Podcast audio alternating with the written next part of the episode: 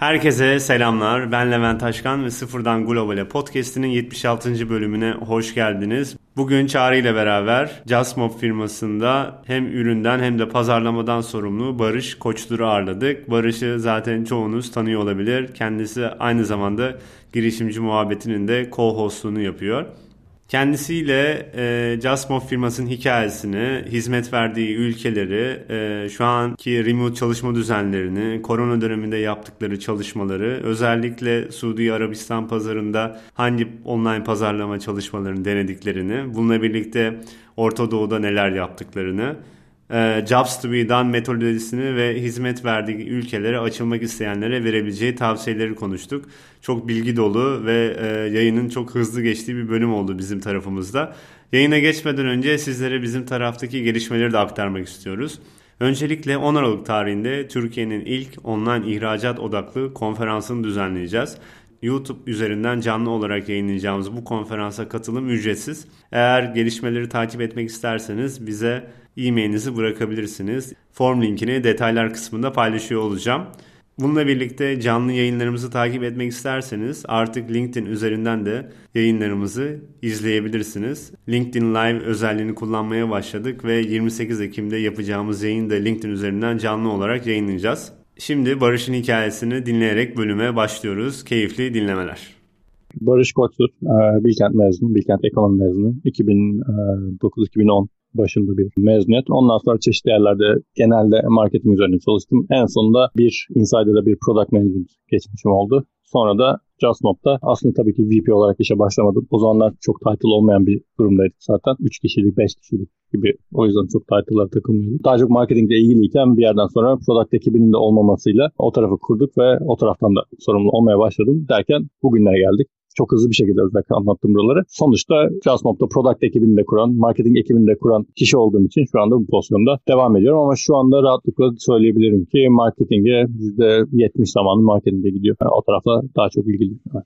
o zaman JustMob'a çok erken etapta katıldın. Kaç kişiydiniz başladığında? Tabii belki tam emin değilim sayıya. Yani hani call center'daki insanları da içerideki insanları da sayarsak 15-20 kişi hmm. maksimum olduğunu düşünüyorum. Onları saymazsak 10 kişi, 8-10 kişi gibi bir şeydi ben girdiğimde. Tabii daha çok e, ne derler saha yoğun bir iş. İlk başlarında özellikle çünkü marketplace olduğu için firmaları bulup firmalarla anlaşmalar yapıp onların temizlikçilerinin e, durumlarına göre talebe alıp oradaki e, arzla birleştirme işi aslında bu. E, bu arada Türkçe konuşmaya özellikle çalışacağım. Daha düzgün bir yayın yapmaya çalışacağım kendi adıma. Ee, siz de yardımcı olursunuz. Arz talep derken birazcık şeye giriyorum. Neyse bunlar olurken zaten çok büyük bir sahibi olması gerekiyordu. Zaten esas e, yoğunluk oradaydı. Marketingde ve product'ta hiç kimse yoktu. Sadece ben vardım en başta. Ben de zaten Jasmov'a ilk başladığımda full time ve böyle hani ben bir startupta çalışıyorum ve ileride işte ne bileyim buraya hayatımı alıyorum gibi başlamamıştım. Biraz daha ilginçti. Çağatay ile Kerem founderlar. Ee, onları ben Rocket İnternet'ten tanıyorum 2012. O zamanda Türkiye'de bir Rocket İnternet furyası vardı hatırlayanlar. Hatırlayanlar el kaldırsın. Aynen. Bu arada yaşlandığımı şuradan hissediyorum. Eskiden Rocket İnternet deyince çoğu insan ha evet derdi. Şimdi Rocket İnternet deyince Evet ya yurt dışında duyuyoruz isimlerini falan. Hiç kimse Türkiye ile alakasını hatırlamıyor. Çünkü hani Aynı şekilde bence Grupanya da güzel bir şey olabilir bu arada. Grupanya Grup Foni. Kesinlikle o Furya'ya çok aynen benzeyen bir Furya'ydı. O döneme aynen. çok yakın bir dönemdi. Neyse işte yeni nesil çok bilmiyor oraları. Çok da bilmelerine gerek yok. Oradan tanışıyoruz founderlarla. Oradan tanıştığımız için onlar bir yerden sonra benim yardımımı istediler aslında. JustMob'da biz böyle böyle şeyler yapıyoruz. İşte sen de madem pazarlama konusunda tecrüben var gel bize birazcık yardım et demişlerdi. Ben de o zamanlar şeydim aslında freelance çalışıyordum. Çok da bir yere girip çalışma şeyim yoktu. Hevesim de yoktu. Ama işte onlardan bir şey gelince tamam yardım ederim tabii ki dedim. Sonra tabii ki o yardımla başlayan süreç büyüdü, büyüdü, büyüdü, büyüdü. Daha çok sorumluluk, daha çok iş derken İstanbul'da ofis açmaya kadar geldi. Sonra takımlar büyüdü falan filan. Bugünlere kadar gelmiş olduk. Şu an bir Dubai'de ofis var. İstanbul'da var. Başka? Aslında İstanbul'da ofis vardı. Bu Covid-19 yüzünden kapattık. Herkesin e, evden çalışmasına başladık. Yani herkes evden çalışmaya başladı. Ofisin tekrar yani %90 açılmaz gibi geliyor ama hani çok da kesin bir şey de söylememek lazım. Çünkü şey yani biz bu şekilde halledebildik gibi gözüküyor şu anda. İşler iyi gidiyor. İnsanların remote çalışmaya alıştığını ve performans verebildiğini görüyoruz. Tabii bunun negatif taraflarını daha görmedik ya da görüyoruz ve belki de hissetmiyoruz. Orada bayağı soru işareti var aslında ama işler kötü gitmiyor en azından. O yüzden böyle devam ederiz gibi gözüküyor. Dubai tarafında bir ofis var. Diğer ülkedeki operasyonlar için bir ofis yok dedik ki bir şekilde oralarda. Ama özellikle Suudi Arabistan tarafında orada yaşayan ve yine evden çalışan ayrıca insanlar var. Hı hı. diğer ülkeler derken hangi ülkelerden bahsediyorsun? Aynen onlardan da bahsedeyim. Jasmop'un en etkin olduğu, en büyük olduğu ülkeler Birleşik Arap Emirlikleri ve Suudi Arabistan şu anda. Daha az etkin olduğu yerlerde Katar, Kuveyt ve Bahreyn. Çok çok az etkin olduğu yerde Oman. Oman'da da var aslında bu hizmet. Ama yani bu son saydıklarıma çok odaklanmıyoruz şu anda diyebilirim. Çünkü Suudi Arabistan bütün bu saydığım ülkelerin hepsinden çok daha büyük bir popülasyona sahip, çok daha fazla bir e, ne derler potansiyele sahip. Bütün enerjimizi e, Birleşik Arap Emirlikleri ve Suudi Arabistan'a dağıtıyoruz şu anda. Hatta biraz daha fazla Suudi Arabistan'a veriyoruz diyebilirim. Çok güzel. Bu arada Jasmob'un ne yaptığına hiç değinmedik. Tam olarak aslında evini veya ofisini böyle temizlemek isteyen firmalarla, kişilerle buluşturan bir pazar yeri değil mi? Evet. Şimdi bundan önce yaklaşık işte bu Covid-19'den önce rahatlıkla bunu söyleyebilirdik. Yani bir yeriniz var, temizletmek istiyorsunuz. Kimi bulacaksınız? O bölgedeyseniz JASMOB. Bu çok direkt ve insanların kafasına oturmuş bir şeydi. JASMOB yani özellikle e, Birleşik Arap Emirlikleri'nde bayağı bilinen bir markaya dönüştü son zamanlarda. Ama şu anda biz de bir geçiş dönemindeyiz. JASMOB aslında evle ilgili ihtiyacınız olan her sorunu çözüyor. Bunun peşindeyiz. Yani hmm. işte ne bileyim böcek var, ilaçlama gerekiyor. İşte klimanız bozuldu, klimanın bakımı, bakımını, bakımının yapılması gerekiyor. İşte disinfection, dezenfekte edilmesi gerekiyor gibi şeylerle ilgili. Yani evde bir şey ihtiyaç varsa tamam Jasmob'a geleyim ve Jasmob'la beraber çözeyim. Algısı şu anda yavaş yavaş yayılıyor. O yüzden bir home service super app'e dönüşüyor diyebilirim. Home cleaning'den biraz çıkıp evle ilgili her şeyi çözüyor e, hale gelecek yavaş yavaş. Ben şeyi e, merak ediyorum Barış. E, yayından önce de kısaca bir konuşmuştuk. Şimdi uzaktan çalışmaya geçtiniz Türkiye ekibi Hı. olarak. Ama doğal olarak yeni çalışanları da uzaktan alıyorsunuz. Atıyorum belki İstanbul dışındaki şehirlerden ya da sizin e, ofisin önceden bulunduğu yere böyle 3 saat mesafede bulunan evet. e, insanları da işe alıyor olabilirsiniz. Hani bu diyelim ki dönmek istediğiniz ofise ya da işte sürekli uzaktan çalışmaya yönelik hissiyat nasıl? Hani orada e, ve hani işe alma ve hani e, insanları e, oryant etme işte ekiple bütünleştirme evet. süreci nasıl yürüyor? Ya şimdi tabii ki rolleri biz remote olarak açtığımız için her yerden insan alıyoruz ve geldik gerçekten de şu anda Türkiye'de benim bildiğim işte Bursa'dan çalışan bir arkadaşımız var. Ordu'dan var galiba, Ankara'dan var. Şimdi bu ne demek? Biz İstanbul'da günün birinde ofis açmak istersek bu insanlara gel ofisten çalışmak zorundasın diyemeyiz. Doğruya doğru. Çünkü biz bu insanı zaten bu anlaşmayla aldık. O yüzden şu anlama geliyor. İstanbul'da olan zaten birileri var. Belki onlar için yani yoğunluğun olduğu, belki de Ankara'da yoğunluk olursa Ankara için bir şeyler ileride düşünebilir eğer insanlar isterlerse gibi bir durum var. Onun dışında hani zorlarız insanları buraya getirir gibi bir düşünce olacağını hiç sanmıyorum. çünkü zaten anlaşmanın en başında böyle bir şey konuşulmamıştı. Zorluklar şöyle insanları onboard etmekle ilgili. yani hepimiz yeni öğreniyoruz. Biz bilmiyoruz yani insanları online bir şekilde her gün şu karelerin içinde göre göre onboard etmek nasıldır, nasıl doğru yapılır? Var tabii her yerde okuyoruz best practice'ler ama teorik kaldığı sürece uygularken biz de öğreniyoruz. Hmm, aslında şunu şöyle yapmak daha iyiymiş gibi. Bir süreç bence çok iyi yapmayı olabiliriz ama iş ilerliyor ve büyümek durumundayız. Beraber öğreniyoruz diyebilirim. Umarım çok kazasız belasız bu dönemi atlatacağız.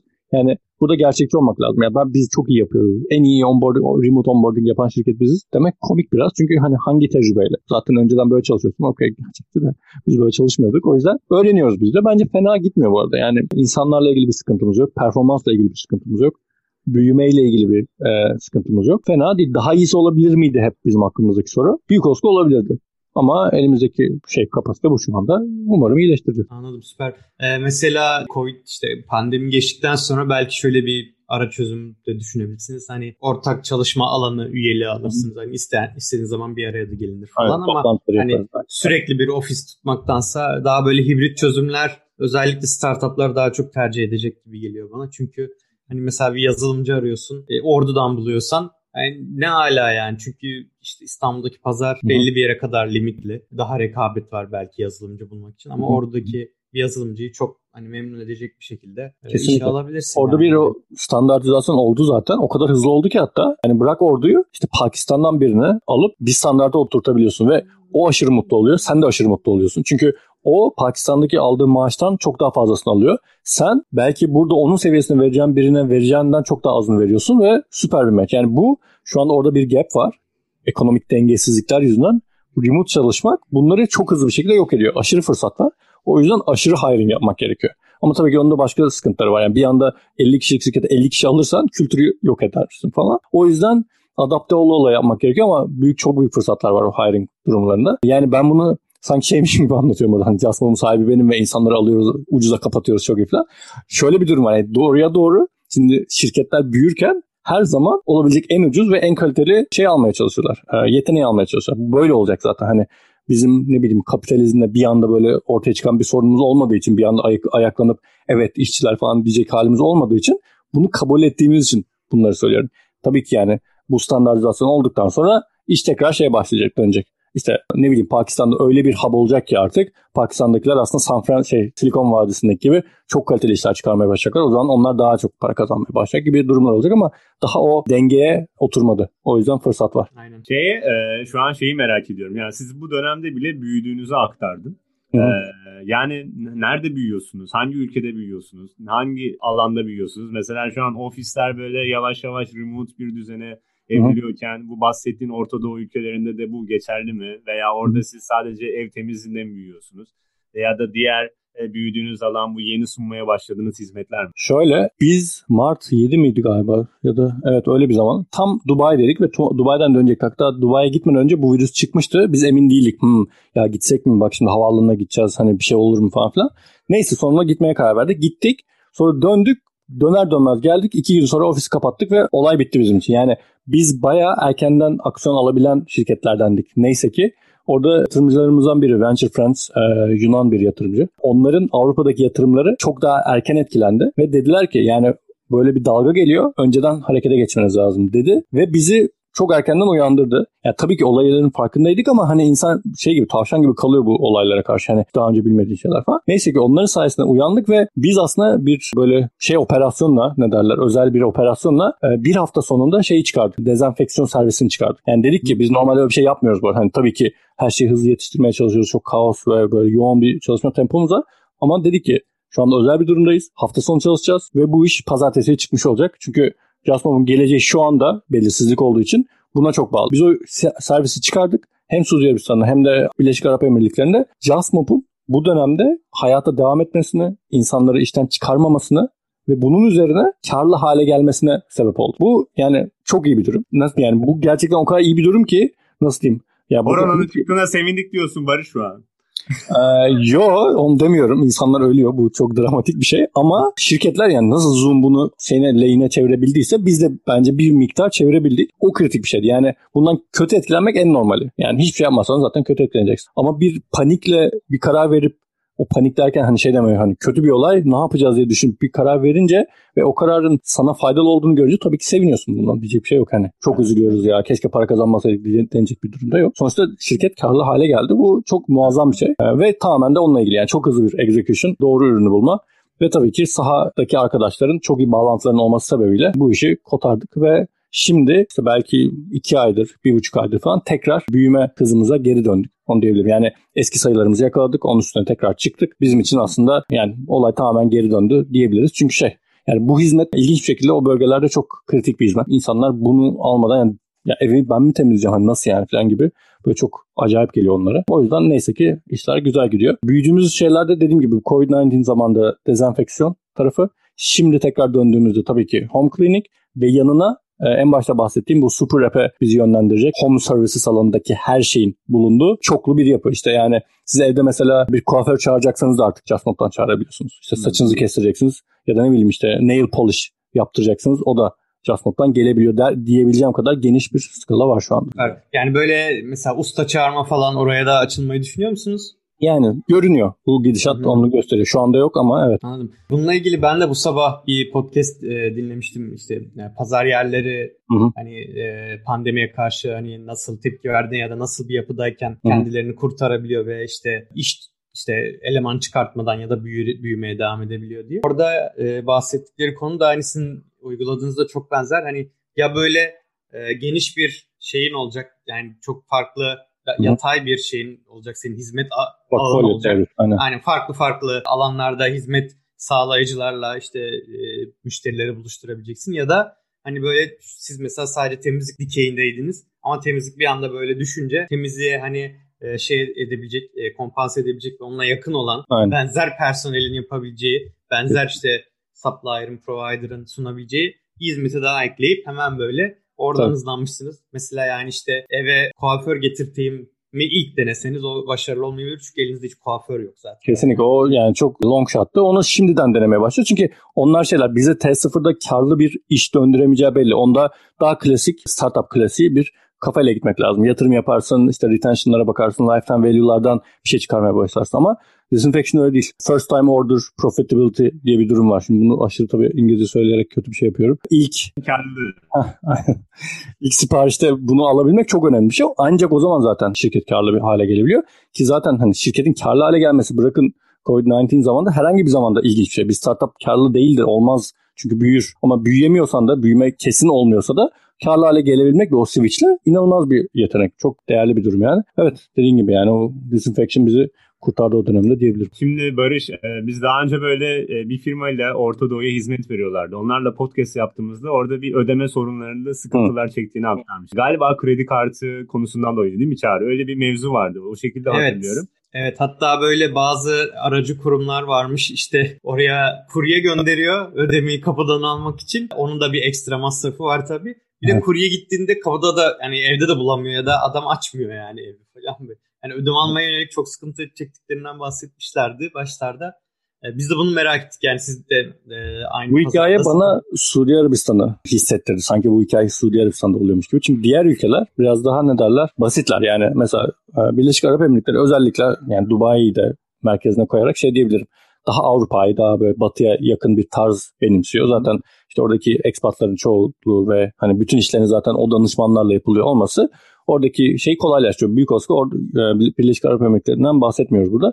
Suudi Arabistan biraz daha farklı. Daha ne derler lokallerin dominant olduğu bir yer. O yüzden bazı alışkanlıklar kesinlikle farklı ve dediğim gibi yani eğer mesela herhangi bir şekilde bir amaç uğruna eve gidiyorsan o kadar çok problem yaşama ihtimali var ki yani eve giderek bir şey alacaksan o evden işte ödeme almak olabilir ya da hizmetini vermek olabilir. Yani bir transaction olacaksa orada Orada ilginç kurallar var. Mesela eğer evde başka bir kadın yoksa senin oraya gönderdiğin temizlikçi de kadınsa o eve giremez. Böyle bir kural var. Ve bunun da sağlanması senin o eve gönderdiğin kadının yanındaki sürücünün e, sorumluluğunda. O, o bakıyor. Evde başka kadın var mı? Ha var tamam o zaman girebilirsin. Yani Hadi. o kadar ne derler manuel ve hani ne bileyim yani teknolojiyle nasıl çözülür diye sorup böyle herkesin aklının gittiği bir durum ki bu. Şimdi ödemeye tekrar gelecek olursak da şimdi kredi kartı penetrasyonu fena değil ama daha çok cash'le yani nakit ödemeyle yürüyor orada işler. Bir de ilginç bir kart var orada.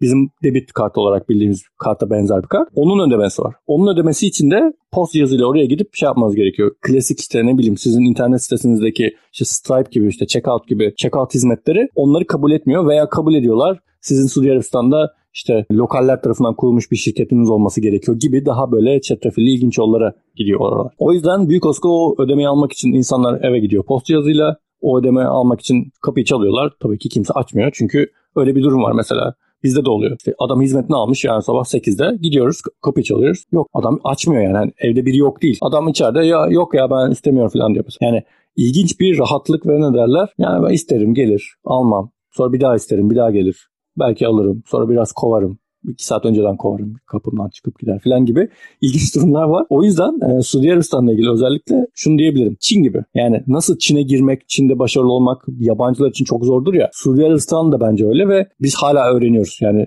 fena gitmiyor sayılar. Hızlı büyüyoruz. Bu şeyi gösteriyor bence. Bizim iyi bildiğimiz alanlar mesela işte dijital marketing diyebilirim rahatlıkla. Bazı best practice'ları uygulayarak hızlı bir şey yakalayabiliyoruz ama bazı oluşturmak çok uzun sürüyor. Yani işte orada ilk ödeme alabilecek altyapıyı kurmak belki 6 ay sürüyor. Ondan sonra reklam yapmaya başlıyorsun. Çok hızlı dönüş alıyorsun ama o altyapı olmazsa reklam istediğin kadar yap. Anlatabiliyor muyum? Yani öyle stepler var. Çok uzun zaman geçiyor.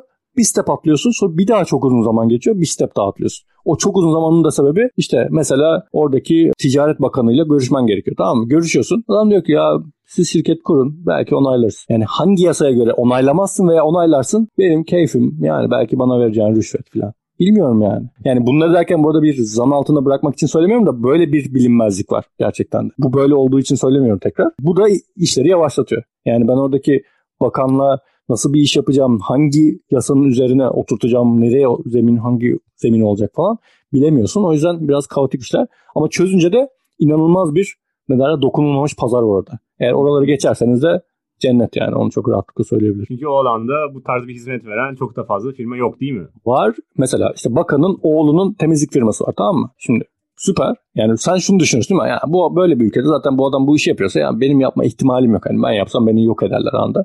Ama adamlar o işi o kadar benimsemiş ve böyle hani zaten oluyor ve milyarlar kazanıyoruz ve hani temizlik yani ne olabilir ki falan dedikleri için sıfır optimizasyon, sıfır iş geliştirme. E biz girince tabii ki insanlar bir uyanıyor. Hı, dur ya buradaki hizmet biraz daha ilginç. Hani ben bu adamlarla bir yapsam fena olmayacak diyorlar ve klasik yani disruption. Orada da bir aşırı klasik bir ortam disrupt ediliyor bizim tarafımızda. Tabii böyle bir markette disruption yapmak da riskli olabiliyor bazen. O yüzden çok da bir yerlere bastırmamak da lazım. Kolay değil yani orası Amerika değil öyle hani özgürlükler ülkesi diyebileceğimiz bir yer olmadığı için dikkatli, nispeten yavaş. Hani çok hızlanırsan çünkü kontrolü kaybedebilirsin gibi durumlar var. İşte bunlar bir cambazlık gerektiriyor açıkçası ve bence bizimkiler iyi yapıyor. Yani ben orada cambazlığın nispeten az kısmını üstleniyorum. Çünkü ben işte nispeten online yapıyorum yaptığım çok işleri. Yani orada bir sahada çok bir işim yok. Ama sahadaki insanlar gerçekten inanılmaz işler yapıyorlar ve hani takdirle bakıyorum. Çünkü bir ne derler best practice bir playbook'u yok o işin. Yani Suudi Arabistan'da gidilir şöyle yapılır. İşte Amerika'da gidersin Delaware'de şirketini kurarsın diyoruz ya hep beraber. Böyle bir şey yok. Hiç hiç yok yani. Hiçbir fikrimiz de yok. İşte belki orada e, çok ünlü bir işte şeyhin kızıyla evlenirsin o zaman olur filan. Anlatabiliyor muyum? Böyle unscalable e, belli olmayan şeyler. Kaç kişi var şu an e, JustMob'da? Şu anda 60'a yaklaştı en son hiringler. Ben bir şeyi merak ediyorum sonra Çağrı sana bırakacağım. Bu bahsettiğin ülkelerde dezenfeksiyon servisi dışında mesela online pazarlamaya yönelik neler yapıyorsunuz? Yani orada ekstradan böyle Türkiye'de yapılmayan demeyeyim de daha önceki deneyimlerinde Türkiye'de veya diğer pazarlarda yap orada farklı olarak yaptığın ve böyle çok farklı etkiler gördüğün neler oldu? Onları böyle paylaşabilmen mümkün mü? Şimdi şöyle Suudi Arabistan'dan başlayayım. Şimdi Suudi Arabistan'a çok klasik bir yapıyla başladık biz. Diğer taraftaki yapının aynısı aslında. Bu yapı ne demek? Klasik page channel'ları düşünün. İşte Facebook, Google, Snapchat. Şimdi oralarda bazı yeni kanallar keşfettik. Şimdi Snapchat'te reklamla ilgili ben çok tecrübeli değildim. Çünkü zaten Snapchat'te nispeten yeni. Böyle şeyler tabii ki deniyoruz. Snapchat mesela Suudi Arabistan'daki en iyi kanal. Facebook'tan, Google'dan daha iyi. Şimdi bu bir sürprizdi benim için. Ben bilmiyordum. Bunu öğrendik ve buna göre kendimizi ayarladık ve ona göre içerikler üretmeye başladık. Şimdi bu ne demek? Demek ki deneyeceksin. Şimdi TikTok var mesela sırada. Şimdi TikTok da nispeten yeni. TikTok'u da öğreneceğiz ve büyük olasılıkla fena olmayan bir kanala dönüşecek. Çünkü bu tamamen marketing biliyorsunuz ki şey dikkatin sende olma oyunu. Yani Google'dan dikkati çekemiyorsan TikTok'tan çekeceksin. Oradan çekemiyorsan buradan çekeceksin gibi durumlar var teknik tarafta yani dijital marketingin daha teknik tarafında böyle keşifler yapıyoruz ve bunların üstüne gidiyoruz diyebilirim. Ee, ikinci tarafta daha ne derler tracking'i biraz daha zor olan influencer marketing var. Biz hmm. yine yeniyiz yani benim yine tecrübemin olmadığı bir alan.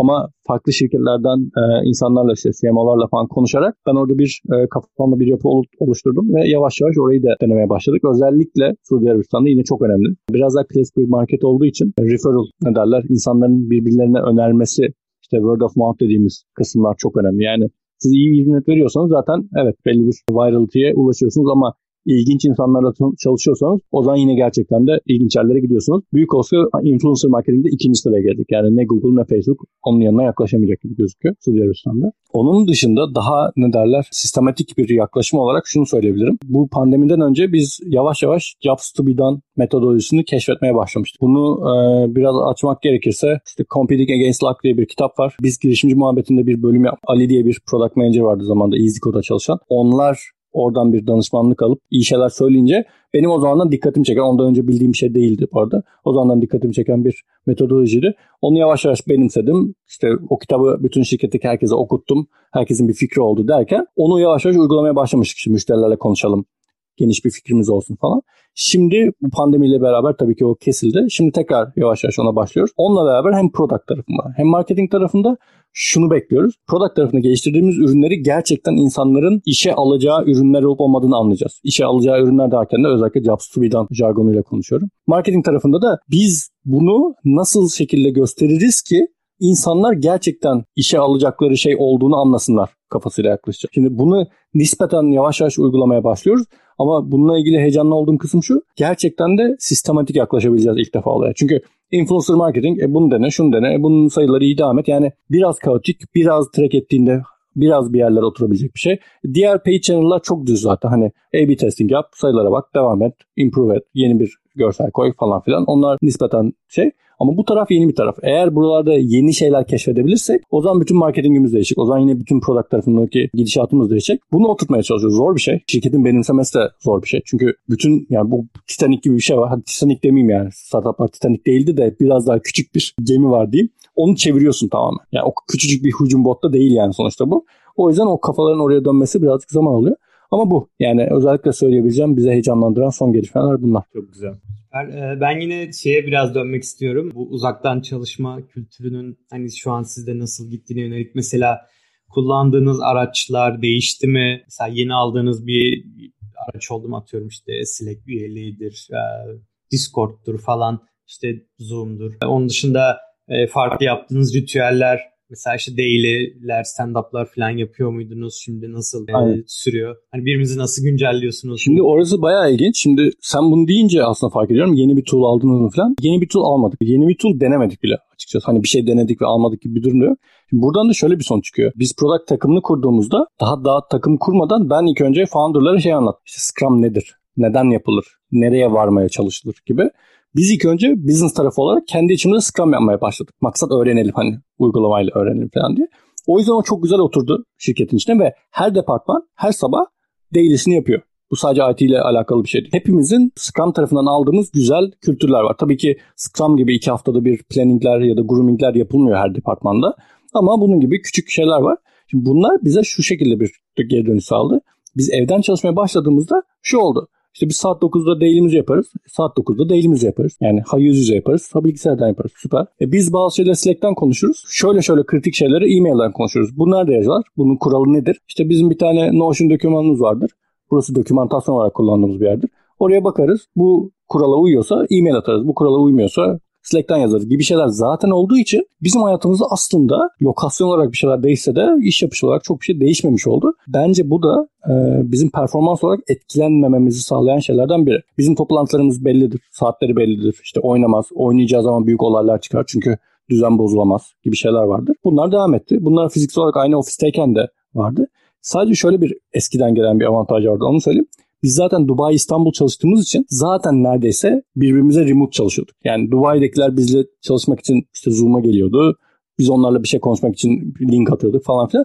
Nispeten alışıktık. Şimdi sadece bireysel olarak herkes uzaklaşmış oldu. O yüzden avantajlıydık diyebilirim. Zaten şirket kültür olarak biliyordu yani bu hareket. Ben şey diyeceğim sonrasında da yavaş yavaş kapatabiliriz sizin ekleyecekleriniz yoksa. Bu pazarlara açılmak isteyenlere böyle verebileceğin tavsiye ne olabilir? İlk aklına gelen. Suudi Arabistan olabilir, Dubai olabilir, Birleşik Arap Emirlikleri olabilir. Böyle ilk aklına gelen şey nedir? Şöyle söyleyeyim. Şimdi bu ikisini bambaşka değerlendirmek lazım. Yani Suudi Arabistan açılmak için lokallere ihtiyacınız var. Onu çok rahatlıkla söyleyebilirim. Yani ben Suudi Arabistan açılacağım, evimden şirketimi kuracağım ve satış yapmaya başlayacağım diyorsanız merak ederim yaparsanız. Yani umarım o vardır öyle bir ihtimal ama bana hiç yokmuş gibi geliyor. Ben o konuda biraz ön yargılıyım. Gördüklerim sebebiyle. Sanki orası böyle kara kutu ve zor crack edilen bir yermiş gibi geliyor. O yüzden lokallerden bir yandaş, bir partner bulabilirseniz kendinize o zaman mümkün. Ve bir yerleri crack ederseniz de Ondan sonrası deniz derya diyebilirim. Büyük popülasyon, herkes her şeye aç. Çok iyi paralar, gelirler. İnsanların gelir alım güçleri çok yüksek. Süper. Ama en başı çok zor geliyor bana. Dediğim gibi